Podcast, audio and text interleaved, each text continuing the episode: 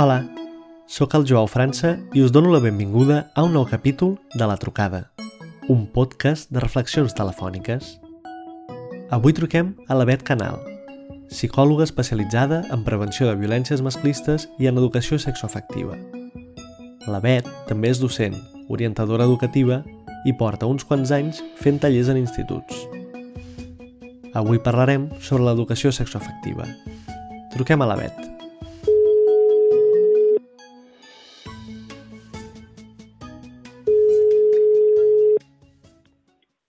Hola, Joao. Hola, Bet, com estem?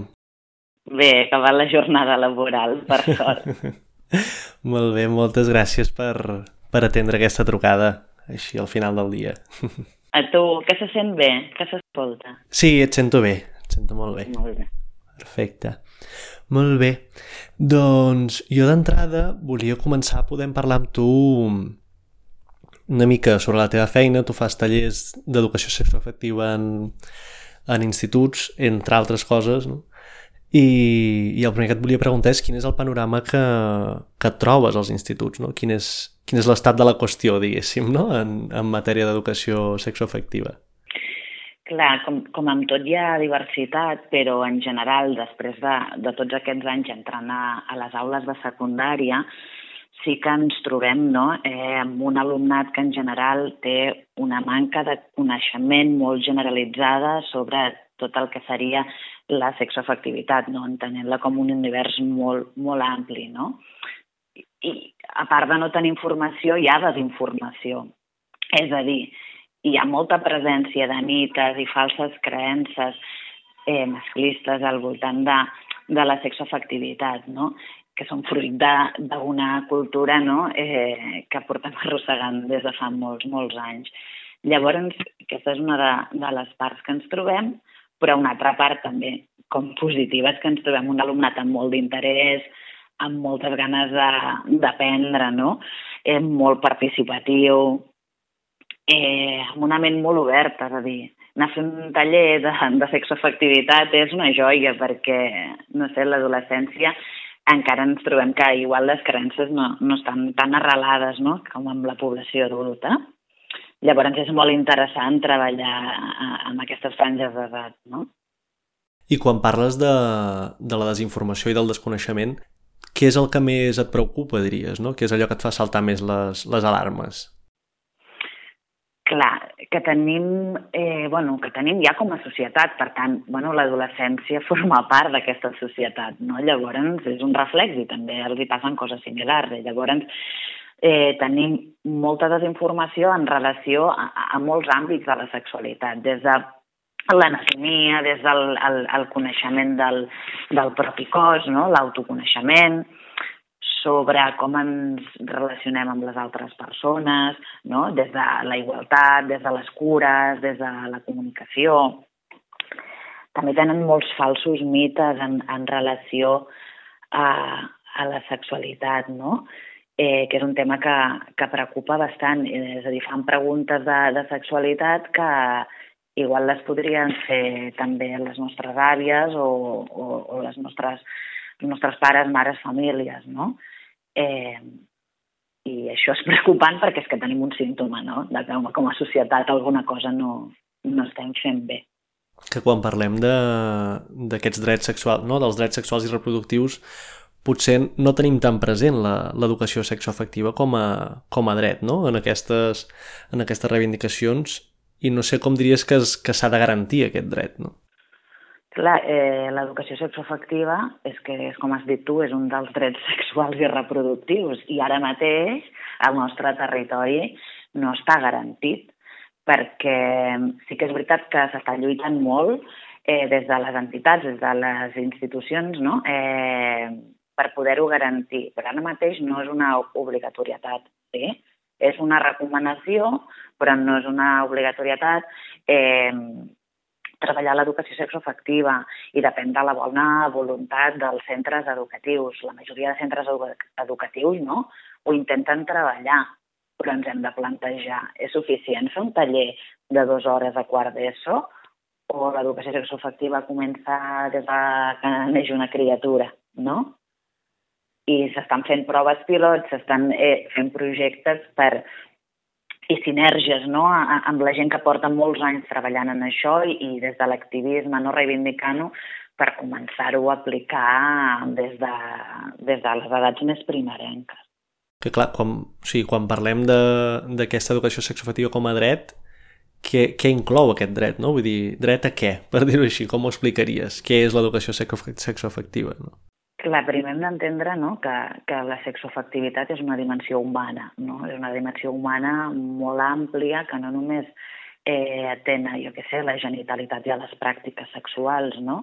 sinó que atén moltes eh, dimensions des de l'autoconeixement, no? eh, el conèixer el propi cos, a la identitat, no? la construcció d'una identitat, a, a tota la part afectiva no? i emocional, aprendre a reconèixer les meves emocions, les emocions de les altres persones, no? a vincular-nos, a relacionar-los. No? Llavors, clar, eh, garantir tot això vol dir informar, educar treballar-ho. Sí? Llavors, clar, una educació sexoafectiva eh, no vol dir als 3 anys no? eh, parlar de pràctiques sexuals, evidentment, vol dir eh, adaptar-ho no? a, a l'etapa evolutiva de, de les criatures. No? Però sí que vol dir començar a conèixer no? eh, les parts del cos, no? començar a treballar el, el dret al propi cos, no? qui pot accedir al meu cos i qui no, com posem els límits, no? A reconèixer les emocions. Tot això se n'ha fet moltíssimes, eh, moltíssimes eh, estudis, investigacions, hi ha estàndards europeus, hi ha eh, recomanacions, vull dir que d'informació i de plantejaments n'hi ha. El tema és la voluntat de, de realment no? poder-ho començar a aplicar de forma transversal i de forma, i de forma obligatòria que, que sovint és una cosa que, que potser espanta alguna gent, no? Quan parlem d'educació sexoafectiva, poder parlar de, de criatures, no? De treballar amb criatures petites. No sé si ens, si ens podries explicar una mica com, com pot ser aquest treball, no? Tu parlaves com de, de conèixer el propi cos, no sé si ens podries explicar una mica més. Clar, eh, hem d'entendre no, que, que la sexualitat continua sent un tabú, no? I per les persones adultes que acompanyem no? a la infància, a l'adolescència, també ho és, no?, per nosaltres, i, i, i nosaltres també hem rebut una educació determinada, no? Llavors, igual el primer pas, no?, sempre és per una mateixa, no?, començar a explorar una mica en l'educació que, que jo he rebut, no? el que em va semblar bé, les mancances que penso que, que vaig tenir, no? i veure eh, què puc treballar i, i com puc treballar-me la mirada per acompanyar d'una altra manera, no? responsabilitzar-me de la motxilla que porto personal i, i sociocultural, no? una mica.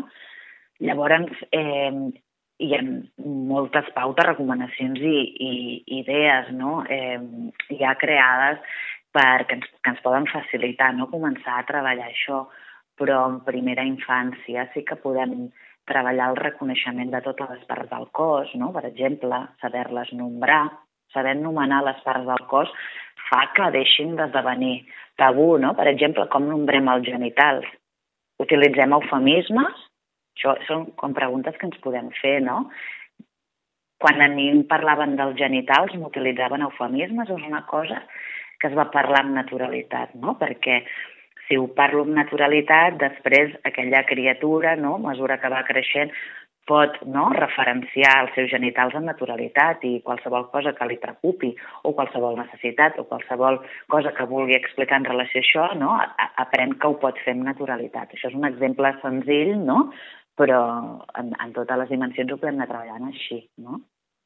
I després, un, una cosa que suposo que, que haurà sentit molt i, i que i que hauràs donat voltes, no? que, que crec que almenys a partir de certes, de certes generacions hi ha com, com aquesta idea que la nostra educació sexual, per manca d'altres d'altres recursos, ha quedat sovint en mans de la, de la pornografia, no? i pensant en un porno eh, mainstream que reprodueix uns imaginaris eh, molt determinats. No?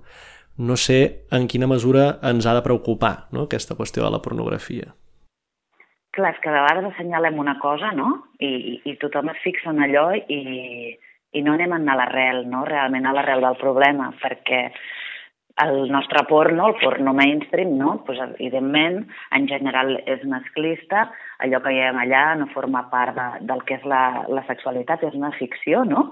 com qualsevol altra ficció, i a més té moltíssims tics masclistes, no? inclús en, en escenes que poden eh, ser violentes i, i, i que hi ha violències sexuals explícites, no? però és fruit no? d'un temps i d'una cultura. Llavors, en comptes d'assenyalar el porno, que podríem reflexionar és ens estem responsabilitzant com a societat a, a, al voltant de com eduquem sexoafectivament les nostres generacions, no?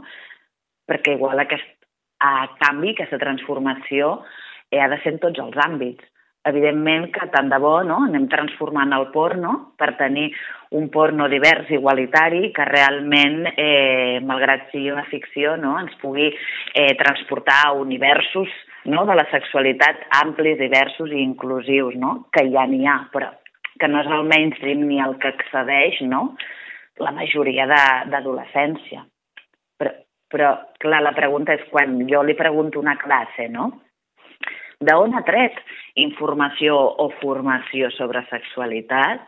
La resposta és nula. És a dir, de la família, poques coses i en general el que parla la família és una informació bastant escassa en general, eh? després eh, hi ha molta diversitat com tot en aquesta vida, eh, però que parlem de, dels mètodes anticonceptius, de les ITS i, i poca cosa més, no?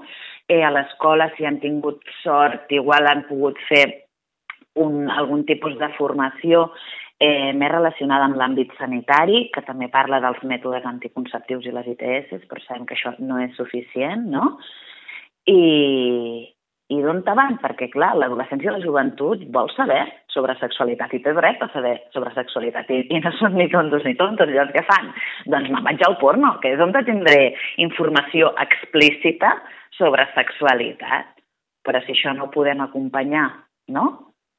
amb una bona educació sexoafectiva, feminista i integral, que pensen que això és la realitat i el porno que tenim ara doncs, no és un gran model que diéssim, no? Però el problema no està en el porno. Que creus que caldria o que necessitem com representacions de la, de la sexualitat en la, en la cultura en general? Perquè ara deies com, com la qüestió, no? que el porno és com una cosa molt, molt explícita, no? que ho veus. No sé si, si hem de buscar altres referents, diguéssim o, si, o si no ens convé no? tenir aquests referents a segons quines edats? A veure, uh, critiquem molt el porno, però no sé, eh, eh, fem un experiment, mirem a les sèries i a les pel·lis com es representa una relació sexual. De vegades de manera explícita, igual no veiem els genitals, no? però sí que són escenes bastant explícites. Què és el que veiem normalment? Pues, en general, escenes eh, molt heteronormatives, cis heteronormatives, no? home amb penis, dona amb vulva, no? a més, eh, normalment no? perpetuant uns estereotips, uns cànons de bellesa, no? I en general, quines pràctiques sexuals fan? Una penetració penis-vagina, no? És a dir, aquest és el nostre imaginari. I aquest imaginari eh, que també el veiem més explícit en el porno, ens atravessa profundament no? en, en la nostra sexualitat, perquè és el que nosaltres anem mamant no? cada vegada que, que veiem això, siguis cis hetero o no siguis cis hetero, t'ha socialitzat en aquest univers. No? Llavors, sí que hem de treballar per uns universos simbòlics molt més amplis, molt més inclusius, molt més diversos, perquè allò que jo veig, no?, pot existir, pot ser un possible de vida, sí? pot ser una realitat vivible. Llavors, necessitem referents, necessitem diversitat, evidentment adaptada a cada, a cada edat no? i a cada etapa evolutiva, però bueno, quan mirem una pel·lícula eh, o quan ja l'adolescència accedeix al porno, si, si tot això fos diferent, no? seria molt positiu que dius l'adolescència, però jo penso que segurament el meu primer contacte amb porno devia tenir, no sé, eh, 9 anys o una cosa així, no? Vull dir, no sé si... que crec que és una preocupació que entre les famílies està molt extesa, no sé si tu la comparteixes d'una... que hi ha una exposició molt molt, no sé, molt primerenca, no? Molt aviat a, a les imatges de sexe unes imatges de sexe determinades, no? No sé si és una cosa que et preocupa o que no... a veure, em preocupa, sí, em preocupa, no? És a dir, eh, que aquestes edats, eh, que moltes coses que estan veient allà no les estan entenent de res, no? Eh, com gestionen aquesta informació, no? I, i, i com els hi pot impactar. Però, perquè també és veritat que les eh, generacions actuals no tenen un accés molt fàcil no? a les noves tecnologies cada vegada eh, més accessible. Tampoc hem fet gaire pedagogia, no?, de com fer un bon maneig de les noves tecnologies, no? Ja, ja pensant més també després en, en ciberviolències, no?, en violències sexuals a través de, dels espais digitals, no? Aquest eh, eh, és un tema que crec que és important poder acompanyar, no?, aquesta, aquesta, aquests nens i nenes que ja tenen no, 9, 10 anys, no, que comencen aquests primers eh, contactes, no? Però també penso que si hi hagués una educació sexoafectiva, no? des de que neixen i un acompanyament en relació a això, la manera com ho rebrien igual seria diferent. Mm? L'impacte, com gestionarien aquesta informació, no? com podríem diferenciar la realitat de la ficció, com podem treballar un esperit crític en relació a això, no? Igual que quan tu mires una pel·li, no?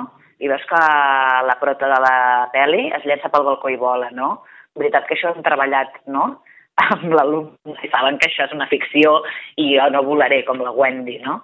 Eh, doncs és una mica el mateix, no?, que podríem fer amb el porno, amb aquest porno que hi ha ara. Parles, parles bastant com de tenir una resposta com adaptada no? a, a cada edat i crec que quan parlem eh, d'educació sexoafectiva crec que ens passa com quan parlem d'educació en general que pensem en l'escola, en l'institut i, i poc més, no? No sé si creus que, que aquesta qüestió de l'educació sexoafectiva l'hem d'abordar com a educació al llarg de la vida també, no? Com hauríem de fer amb l'educació en general. Clar, és que a veure, quan pensem d'agents educatius, no? Qui educa la nostra societat? jo crec que eduquem tothom com a comunitat, no? Per això parlava d'una responsabilitat col·lectiva. Evidentment, no? La infància i l'adolescència on te passen més hores, no? Eh, al llarg de la seva vida escolar és a, a les institucions educatives. Però jo crec que aquí podem tenir un paper actiu tothom, des de, jo què sé, els espais de l'educació no formal, que porten molts anys fent una tasca en relació a això superpositiva, no? que molta gent igual la seva educació sexoafectiva l'ha rebut eh, en gran part si ha tingut la sort d'estar espais de l'educació no formal, no? des de casals de joves, de causes, plais, etc. Tenim un paper fonamental, que són les famílies, no? les amistats, és que al final eh, l'educació sexoafectiva la fem al llarg de, des de que ens fins que ens morim, no? Es pot anar aprenent Llavors, en els grups d'amistats, aquí podem fer molt, podem aprendre molt i fer molta pedagogia també, no? És a dir, que tothom educa, no? Els mitjans de comunicació tenen una, un paper molt important, que crec que encara no s'han responsabilitzat d'aquest paper que tenen, i de com això afecta, no? sobretot en aquestes edats, i, i així es podríem anar pensant en molts agents, no? Creus que, que és possible fer tallers com els que es fan en instituts per, per la gent gran, diguéssim, no? perquè tu deies justament com el desconeixement que tenen els adolescents, però també els nostres pares, mares, avis i, i àvies no? sobre, sobre la nostra pròpia sexualitat. Em seria la meva, la meva il·lusió poder anar a un casal d'avis i àvies, no? perquè segurament tenim molt a aprendre també d'aquesta generació, no? I, i porten també unes motxilles molt potents a, en relació a la sexoafectivitat, no? Al final, si, si ens hem de responsabilitzar com a comunitat, vol dir que tothom hem de mirar cap endintre, no?, i veure aquestes motxilles, no?, una mica, eh, de l'herència sociocultural que, que tenim, no? I també és una qüestió de justícia, no? Jo penso que sempre els dic a l'alumnat quan, quan fem una mica d'anatomia no? i els hi presento el clítoris, per exemple, no? que ha estat un tema molt tabú i els dic com els hi devem molts orgasmes a les nostres àvies, no? com un tema de, com de justícia, no? a nivell simbòlic, no? Eh, quina educació sexoafectiva van rebre les nostres àvies o les nostres mares, no? o les nostres besàvies, no? Eh, perquè no, en el patriarcat, eh, al llarg dels segles, la sexualitat femenina ha sigut eh, fruit de... Bueno, ha estat envoltada d'un gran tabú, de control, de, de repressió, no? S'ha allunyat a, a les dones eh, del seu plaer i de ser subjectes del seu propi desig, no? Llavors, crec que també hi ha un tema de justícia social amb això, no? L'empoderament de la sexualitat també vol dir això, no? I com diries que es pot concretar aquesta, aquesta reparació, diguéssim, amb les nostres àvies? Doncs eh, que les següents generacions, les noies eh, sobretot, no? eh, i també les identitats dissidents, no? tinguin cabuda en, en, el, en el procés de, de l'educació sexoafectiva. Què vull dir? Que hem de superar una mica aquesta educació sexoafectiva que a moltes ens han explicat de vigila que et pots quedar embarassada, tenir sexe és la penetració d'un penis amb una vagina, home-dona, evidentment, sí, i pots agafar ITS, no? És a dir, superar aquesta educació eh, coitocèntrica, cis heteronormativa, no? i relacionar la sexualitat amb, el por, amb la por al voltant de, dels riscs, no? És a dir, crec que la millor justícia és superar això per tenir unes generacions que visquin la dimensió sexoafectiva de la seva persona, no? des de la diversitat i des, de, des del plaer. No? És a dir, crec que aquesta és la millor, la millor, no sé, reparació que podem fer, no? I deies que la teva il·lusió seria poder anar a fer un taller en un casal d'àvies. No sé com t'imagines tu que seria aquest taller, no? Què tens en ment? Què faries? no sé, jo els tinc molt de respecte, és a dir, crec que de vegades no, eh, anem a ensenyar-los amb elles com que elles ens poden ensenyar molt a nosaltres, no? Eh, no sé, a mi faria il·lusió simplement per compartir, compartir amb elles, no? Igual crec que seria molt bonic diverses generacions superant una mica els tabús eh, socials, poder tenir un espai compartit per poder compartir totes aquestes experiències no? al voltant de, de la sexualitat i escoltar-les molt, molt amb elles, no? quines han estat les seves vivències, no? I és fer, bueno, fer un diàleg intergeneracional crec que, que seria molt interessant i que podria ser molt bonic i, i podria ser molt transformador per, per tothom, no?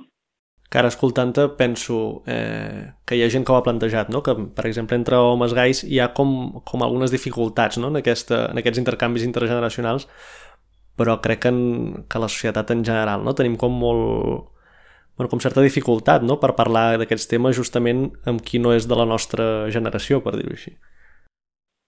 Sí, sí, eh, ho tenim bueno, encara, vull dir, quan diem que, quan diuen no, el tabú s'ha superat, no, el tabú no s'ha superat, no? També l'imaginari que tenim de, de persona eh, sexualment activa, no? Quin és, quin és aquest imaginari? Doncs d'una persona en general jove, no? Eh, llavors aquí, d'aquest imaginari de la sexualitat també excloem, no?, tota una, una etapa vital com pot ser, per exemple, la bellesa, no? I això genera molt de tabú, la bellesa i la sexualitat, no? Llavors crec que això també ho dificulta com moltíssim, no? considerar que aquestes persones no, eh, no tenen desig, no estan connectades amb el seu ple, evidentment, segurament tindran unes necessitats diverses, no? Eh, però sí, crec que això ho dificulta, no? Hi ha gent que, que m'ha dit que troba a faltar una mica en aquest podcast sentir una mica més de mi i llavors crec que puc explicar de què ens coneixem tu i jo. D'acord. que és que ens coneixem de classes de, de twerk, que ens vam conèixer ballant perquè ens agrada moure el cul i algun cop ens has explicat justament que, que això de ballar movent el cul és una cosa que preocupa tant a professorat com a famílies, no? Entre, quan passa entre el jovent, sobretot entre entre les noies, no? Eh, tu com diries que s'ha d'abordar aquesta preocupació, no? Què hi ha de preocupant i què hi ha de no preocupant, no? D'alarmista, no sé com dir-ho. Clar, eh, primer de tot és quan no una cosa ens preocupa anar a l'arrel realment profundament del que ens preocupa, no? Eh, les danses que es basen en, en moure el cul, no? Eh, tenim des de, sobretot, a Europa una mirada molt eurocèntrica, tendim a, a sexualitzar no? aquestes danses i, a més, a sexualitzar, sobretot, a les noies i a les dones que ballen aquestes danses, no? sense veure clarament quin és l'origen d'aquestes danses sí? i quins són els seus orígens comunitàriament, eh, com es desenvolupen aquestes danses. Llavors, jo crec que hem d'anar a l'arrel. Llavors, quin és el problema? És el problema la música? És el problema la dansa o el problema és la mirada? No? poso un tema que, que ja és molt recurrent, i, però jo crec que bueno, serà tan recurrent fins que aconseguim fer-ne una pedagogia, no? que és el tema, per exemple, del perreo i del reggaeton. No? Eh, quan comencem amb arguments que arrossen el, el classisme i el racisme, no? de, de dir que el reggaeton és masclista, no? Eh, perquè qualsevol gènere musical eh, pot ser masclista en, en, en les seves lletres i en molts altres istes, no? però un gènere musical de per si és música i, i, i per si sol no, no és res, no? I, I tant és masclista el reggaeton com si comencem a analitzar lletres de l'òpera del Liceu, no? Llavors, primer que jo crec que hem de fer un, un anàlisi previ. Eh, després, eh, veure que si el que és masclista és la lletra, no? doncs podem treballar la, la, una mirada crítica a veure que ens parem a pensar què ens diu aquesta lletra no? i si ens sembla bé el que diu aquesta lletra, perquè molta adolescència escolta lletres que de vegades ens impacten perquè el missatge és brutal, no? però no han tingut aquest espai de reflexionar no? I veure realment el que està dient i que ningú escolti les seves veus per veure realment què és el que en pensen. No? Perquè de vegades al·lucinaríem que tenim una adolescència molt polititzada i, mm, bueno, jo la veritat que em sento bastant orgullosa, no? Que realment cada vegada no, eh, són més crítics i crítiques amb tot això, no? Hi ha més consciència. Un cop fem aquesta anàlisi de la lletra, podem treballar amb referents dins del reggaeton? Tothom té músiques, lletres supermasclistes? No. Podem treballar amb, amb referents de diversitat, de missatges igualitaris? Sí, podem, no? A part de tenir una visió crítica, no? eh, treballar amb, amb altres eh, referents.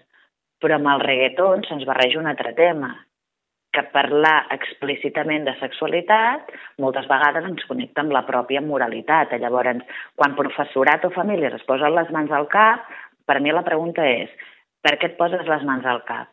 El missatge d'aquesta lletra realment és masclista? Podria ser que sí. També pot ser, no?, que estigui parlant explícitament de sexualitat. I això tot connecti amb la teva motxilla de vida, de l'educació sexoafectiva que nosaltres hem rebut, no? De relacionar la sexualitat amb una cosa tabú, amb una cosa invisible, amb una cosa que expressar-la molt, no? És bastant brut, no? Ens connecta amb la vergonya, amb la culpa, no? Sobretot a, a les dones, no? Llavors, aquí tam també hi té a veure, no? I ja no te digo la dansa, no? quan ja hi posem a tota aquesta lletra una dansa que des d'una de, des cultura no, masclista eh, i eurocèntrica ho, ho sexualitzem, no? I és la mirada el que sexualitza aquesta, aquesta dansa, no? Per exemple, doncs, si anem als orígens del tuerco del botidens, no? Eh, veiem que són músiques que venen de la diàspora africana, eh, barris eh, de, racialitzats i de la comunitat LGTBI de New Orleans, no? I que és un ball comunitari que es ballen, que no ballen les eh, noies blanques, no?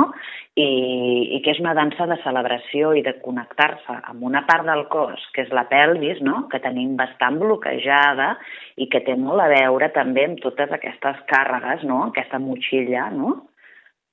eh, sociocultural eh, que tenim. No? Llavors, bueno, jo crec que podem fer molta pedagogia, no? Treballar també... Eh, és que hem de treballar altres coses, no?, abans d'això, no? Quan jo veig moltes noies, no?, eh, fent aquestes danses de, bueno, del perreo, no?, per agradar els nois, no?, eh, hem de preguntar com he treballat coeducativament amb, aquest, amb aquests nois i noies, no? Com he treballat els rols dels estereotips de gènere, no? com he treballat l'empoderament d'aquesta adolescència, no? com he treballat l'establiment d'unes relacions igualitàries, no? Llavors, si tot això es dona, ballar des del desig, no? No hauria de ser, no? Des d'una relació igualitària, des del propi desig, eh, no hauria de ser cap mena de, de problema per posar-se les mans al cap Jo no sé si m'estic explicant o m'estic anant aquí per les branques i no s'entén Sí, gaire. sí, i tant, i tant. Eh, que ara pensava, eh, quan parlaves això, no?, de, de la qüestió de les lletres, eh, que relaciona allò, no? quan, es, quan es critica allò que és, que és explícit, és habitual que li qualificar-ho de masclista, no? No sé, no sé per què fem aquest, aquest nexe, no? de dir això és explícit i, i atenta contra la meva moral i per tant jo ho qualifico com a masclista quan potser no ho és, no? quan ho analitzem en detall. Sí, perquè jo crec que se'ns han barrejat temes, no? perquè no, no hem baixat a la profunditat, no? És a dir, últimament no, el discurs feminista, després d'una lluita de, de segles no? I, i, i de les generacions eh, passades, no? eh, està en boca de tothom, no? I jo crec que això és molt positiu, no? És fruit d'una lluita històrica mundial, no? Però alhora també crec que, que fa que quan arriba un discurs a fer-se mainstream, no? No, no baixem a la profunditat, no? I llavors realment no veiem la complexitat i, se'ns barreja les coses i parlar explícitament de sexualitat té més a veure amb el que explicava i no amb el masclisme. És una sexualitat no, compartida, no consentida, no desitjada des d'un desig explícit i des d'un vincle basat en les cures no, igualitari. Llavors, eh, hem de poder-ho analitzar bé i, i poder-ho diferenciar, no? Clar, parles de, de la importància d'un vincle basat en les cures i parlem no, que el concepte és educació sexoafectiva, aquest vincle entre allò sexual i allò afectiu. Eh, clar, entenc que això no vol dir eh, el, el, el, haver de tenir un príncep blau, no? Ni res d'això, vull dir que... Clar, eh, és a dir, eh, que entenc que m'estàs bueno, preguntant què vol dir tot això de l'afectivitat, no? Sí, diguéssim. Evidentment que sí que, que té a veure, no?, quan parlem de com gestionem els efectes, no? tenim una forta càrrega en relació a, a, a l'amor romàntic, no? Que afecta a qualsevol tipus de, de relació sexoafectiva, no? sigui l'orientació sexual que sigui, no? i tota aquesta història del príncep blau que jo crec que a nivell cultural la tenim molt a dintre, no? I, i que per molt que et treballis, doncs de tant en tant va apareixent, no? I et mires una pel·li eh, d'aquestes de superamor romàntic i, i, bueno, de cop apareix i dius, uau, no tenia, doncs, doncs ho tinc aquí, no? Eh, però el component de l'afectivitat no? en, en la sexualitat és fonamental i, i té a veure en si, en treballar també tots aquests temes, no? com ens vinculem amb les altres persones, sigui un vincle sexoafectiu o no, no? Eh, de l'educació emocional també, no? Com, com identifico les meves emocions, com empatitzo, no? Amb les emocions de les altres persones, com ens comuniquem, no? si utilitzem, si ens relacionem des de l'agressivitat o des de l'assertivitat, no? eh, com cuido l'altra persona, com em cuido a mi, no? Eh, en la sexualitat això és fonamental, no? La comunicació sexual és un tema, no?, que eh, és molt difícil, perquè actualment encara, no?, poder comunicar el que necessito, el que desitjo, no?, o com m'estic sentint, encara ens connecta molt amb la vergonya, no?, eh, amb la culpa i amb, i amb moltes d'aquestes motxilles, no? Llavors, l'efectivitat també vol dir tot això, la comunicació, eh, les emocions, el vincular-me des de l'altre d'una manera no tòxica, no? sense exercir poder, sense eh, controlar, no? Per tant, mm, tots aquests aspectes eh, que formen part de, de la sexoafectivitat són fonamentals. Per què? Per fer prevenció sobre les violències sexuals i en general les violències no? eh, masclistes, però alhora per connectar la gent a, amb, amb una sexualitat plaent no? i igualitària sí, per, per, per treballar aquest empoderament de, de la sexualitat. Comentaves la qüestió de, de, la, de la poca diversitat de pràctiques no? que representen, també aquesta qüestió de, de, dels missatges explícits i com, i com hi reaccionem, eh, com podem posar sobre la taula eh, la diversitat de pràctiques sexuals. No, no sé si, si és parlant com explícitament, si és eh, plantejant-ho d'altres maneres, si és plantejar parlar de pràctiques concretes o parlar de les possibilitats, no ho sé. Clar, és que això també depèn molt del grup no? I, de, i de l'etapa evolutiva, del moment que es trobin, no? Però, eh, en general, a l'adolescència no? hi ha doncs, idees de pràctiques sexuals, té, perquè vull dir, se m'ha fet, se fet una idea, llavors jo crec que primer és veure quin imaginari té el grup, no? I si aquest imaginari eh, s'apropa a la realitat o realment és un imaginari ple de mites i falses creences. Llavors vol dir treballar des del coneixement que ja té el grup, no? Jo crec que sempre que acompanyem, no?, un grup, una persona, un col·lectiu, una comunitat, hem de partir des de les seves pròpies vivències i el seu propi coneixement, no? A partir d'aquí desmuntar eh, com moltes falses creences, no per nada, sinó perquè això no, no els hi permet tenir un desenvolupament no? eh, de la seva sexualitat eh, de manera diversa, àmplia i integral, no? És a dir, amb riquesa i, i des de, de forma holística, no? amb tot el seu potencial humà. Llavors, què, fa, què fem? Pues parlar explícitament de pràctiques sexuals, sí, la veritat. I, evidentment, en, ens ajuda molt que tinguéssim referents, no? Quan en una pel·lícula, en una sèrie, no? eh, pues les persones que estan tinguent una pràctica sexual no, no sea un metesaca, que esto es bricomanía, però no sexualidad, no? Com posar en valor eh, que la sexualitat va molt més enllà que els genitals, no?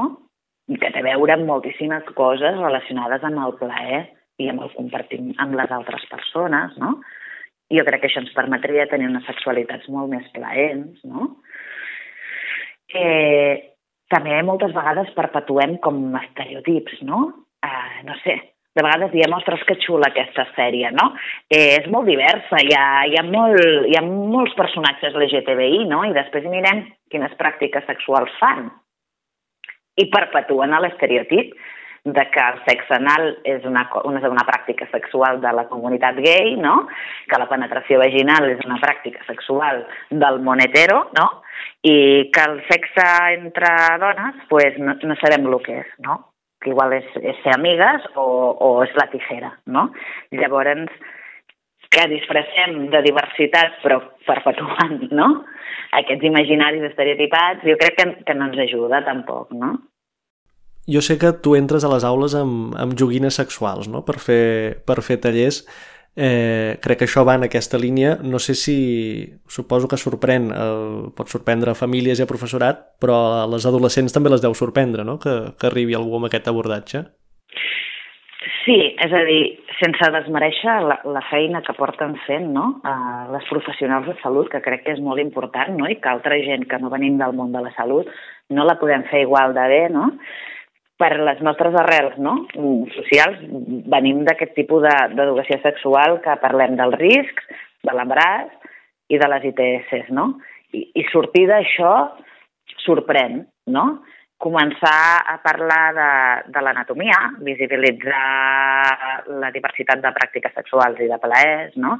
d'orientacions sexuals, de que parlem, no parlem d'homes amb penis no? I, i dones amb vagina, sinó que parlem de múltiples identitats i de múltiples corporalitats, no? eh, desmuntar mites com el mite del tamany importa, el mite de la virginitat, no? donar realment coneixement rigorós amb una perspectiva eh, feminista, treballar les emocions, treballar eh, un univers molt més ampli, divers i inclusiu, doncs clar que impacta, perquè no el tenim en general, no? Eh, en aquests agents educatius, no?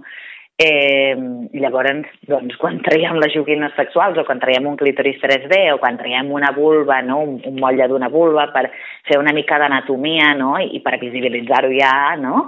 doncs impacta, però de forma positiva, és a dir, hi ha moltes ganes, hi ha molt interès, hi ha moltíssimes eh, preguntes, no? que al final et diuen, jolín, ja era hora, no? perquè no sabia com fer-m'ho per trobar aquesta, informació, no? Al final, desinformar o donar una, una informació, és a dir, sí, donar una informació de la sexualitat reduccionista i que perpetua el coitocentrisme, l'heteronorma i tot això, tampoc estem garantint no?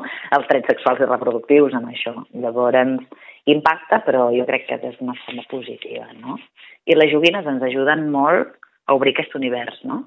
A obrir aquests possibles de, de plaer més enllà de la genitalitat, no? I de, sí, d'experimentar, d'autoconèixer, no? Aspectes com fonamentals, no? Mm. Com de sortir del relat del, del coit constantment, no? Sí, de, de, del, del relat únic, no? Perquè les persones no, no, no som aquest relat únic, no? Doncs Bet, portem uns 40 minuts xerrant jo, per anar acabant, eh, et volia demanar que si hi ha professorat o educadores que ens, que ens estiguin escoltant i potser no s'hi acabin de, de veure, quins serien els teus consells per poder, per poder abordar l'educació sexoafectiva d'una forma desacomplexada, no? Vull dir, quin hauria de ser el punt de, de partida per treballar aquestes qüestions? Clar, jo penso que primer de tot és no sentir-nos culpables, no? Vull dir, nosaltres eh, venim d'una herència i el que podem fer és responsabilitzar-nos d'això, no? No per tothom eh, és fàcil, no?, eh, parlar de sexualitat i primer jo crec que és molt important veure quina és la meva motxilla, no?, I, i com jo em vinculo amb el meu àmbit no sexoafectiu, amb aquesta dimensió meva humana, no?, i veure si em sento còmode amb això o no. Jo penso que com a docents m'he de poder sentir còmode, perquè si no, des d'on acompanyo, no? També jo crec que ve d'un treball personal, no? Un cop he detectat això, és a dir, d'un treball primer personal de, de, de com està una mica embrutada, no? La meva mirada d'aquest relat únic, no? Eh, per tant, poder identificar això per veure què és el que jo puc canviar de la meva mirada per poder acompanyar, no?, des d'una altra mirada i a partir d'aquí assumir que nosaltres no tenim tota la informació, no? que ens podem sentir insegures i anem a veure què podem fer. Per tant, jo penso que el primer és tenir actitud de, de voler transformar això. I després anar-me formant no? per sentir-me segura si és que realment em sento en benestar amb això, que no em senti en, en malestar, i a partir de, de no sé, de formar-me, de buscar recursos, sí, a partir d'aquí com, començar a acompanyar. Jo crec que hi ha moltes entitats, moltes associacions eh, que tenen molts recursos, que porten feina de molts anys i, i que ens poden, no?, acompanyar perquè és obvi que de tot no en sabem en aquesta vida, no? No sé, jo porto molts anys en això i de vegades em fan unes preguntes que jo flipo i no en tinc ni idea, doncs jo crec que el més honest és dir, bueno, penyes, no en tinc ni idea, anem a investigar-ho juntes, no? I, i endavant, no? Vull dir que crec que és una oportunitat molt bonica d'acompanyar i també nosaltres d'aprendre, no? Molt bé. Doncs moltes gràcies, Bet. Gràcies per, per, res. Per el teu temps i per compartir aquesta, aquesta experiència que portes a l'esquena. Molt bé, a tu, Joao. Que vagi molt bé. Igualment. Fins aviat. Adeu. Adeu. Adeu.